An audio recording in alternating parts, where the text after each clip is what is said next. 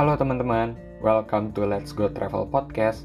Sebelumnya, salam kenal aku Andreas Kurnia. Kalian juga bisa manggil aku dengan nama Andre. Di podcast Let's Go Travel ini kita akan ngebahas segala sesuatu yang berhubungan dengan pariwisata, baik itu pariwisata dalam negeri maupun pariwisata luar negeri. Nah, gimana nih kabar kalian? Harusnya sih baik-baik aja ya kan? Kan ada di rumah terus. Kecuali buat kalian yang harus keluar rumah, semoga selalu sehat dan juga selalu menerapkan protokol kesehatan di mana pun kalian berada ya. Teman-teman, gak kerasa ya, pandemi sudah berlangsung selama lebih dari satu tahun. Pasti bosan banget gak sih di rumah? Nah, oleh karena itu, untuk ngisi waktu luang kalian, lebih baik kalian dengerin podcast ini ya kan? Kali ini aku mau bahas sebuah topik yang berhubungan dengan kondisi pandemi sekarang ini loh kita akan ngebahas tentang urban tourism di masa pandemi COVID-19. So, buat yang penasaran, stay tune terus ya. Oke teman-teman, sebelum kita bahas lebih lanjut, buat kalian yang belum pernah dengar atau kurang mengerti tentang urban tourism itu apa, aku bakal jelasin sedikit nih. Jadi, kalau yang aku baca nih ya, menurut Inskip pada tahun 1991, Urban tourism atau dalam bahasa Indonesia disebut juga wisata kota itu adalah suatu kegiatan untuk menarik wisatawan domestik maupun mancanegara dengan menyediakan akomodasi dan program kunjungan ke tempat yang menjadi daya tarik kota tersebut. Nah, kalau barusan kita sudah dengar pengertian dari Inskip, urban tourism juga bisa diartikan sebagai kegiatan yang bisa dilakukan pada suatu kota, misalnya seperti berbelanja, menonton, baik itu menonton film, festival, ataupun konser musik, nongkrong sama teman, dan masih banyak lagi.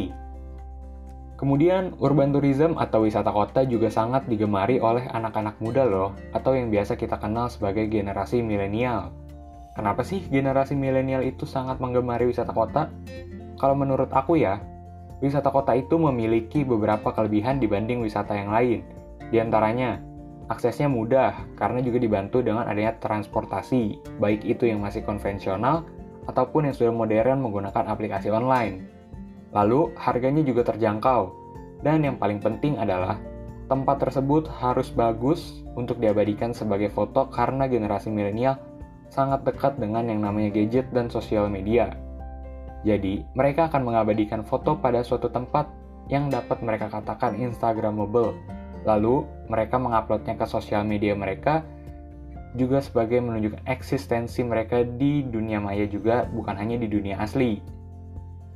Nah, teman-teman, selama pandemi ini berlangsung, banyak sekali pihak-pihak yang dirugikan loh, khususnya pada sektor pariwisata, karena setelah menyebarnya virus COVID-19, pemerintah Indonesia melakukan lockdown dan juga PSBB, atau pembatasan sosial berskala besar, bagi masyarakat Indonesia untuk tetap berada di rumah agar dapat mencegah dan juga mengurangi penyebaran virus ini.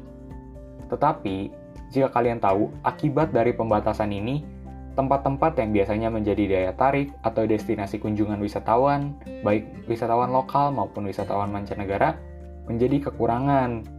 Kekurangan apa? Kekurangan pemasukan, atau bahkan tidak ada pemasukan karena tidak ada masyarakat atau wisatawan yang datang untuk berkunjung. Mulai dari penutupan bioskop, mall, destinasi wisata, dan juga yang lainnya. Tetapi, dari penutupan tersebut muncul bentuk lain atau hal baru dari apa yang sudah ditutup tersebut. Misalnya, penutupan bioskop berubah menjadi menonton bioskop hanya dari dalam mobil, tidak perlu turun. Nah, biasa kita juga kenal dengan nama drive-in cinema. Terus juga konser-konser yang biasanya kita harus datang langsung, berubah menjadi menggunakan meeting online atau webinar dan masih banyak lagi. Nah, teman-teman, setelah beberapa bulan melakukan penutupan, pemerintah Indonesia kembali membuka beberapa sektor untuk memperbaiki perekonomian negara yang telah menurun drastis karena disebabkan oleh virus loh. Jika kalian tahu, pembukaan kembali ini disebut dengan istilah new normal. Dan istilah ini berlaku di semua sektor, tidak terkecuali sektor pariwisata. Nah, kalau boleh cerita sedikit, aku mau ngasih tahu nih pengalaman traveling di masa new normal ini. Mungkin juga bisa membantu kalian yang udah bosen banget di rumah dan pengen traveling lagi seperti biasa. Jadi, beberapa bulan yang lalu, aku pergi mengunjungi salah satu restoran yang ada di kota Bandung. Nah, di sana itu menurut aku penerapan protokol kesehatannya sudah sangat baik. sebelum masuk seperti biasa kita akan dicek suhu terlebih dahulu. Lalu kita akan masuk ke ruangan untuk disemprot disinfektan yang tentunya aman buat tubuh kita.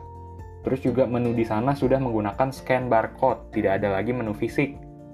Terus juga pembayaran yang cashless, pensterilan alat makan di depan mata kita secara langsung. Dan yang paling aku kagum satu hal dari restoran itu adalah mereka menggunakan teknologi touchless juga untuk hanya sekedar toilet demi untuk mengurangi dan mencegah penyebaran virus COVID-19. So, teman-teman, mungkin itu aja pembahasan kita kali ini ya. Dan buat kalian yang mau traveling lagi, selalu terapkan 3M.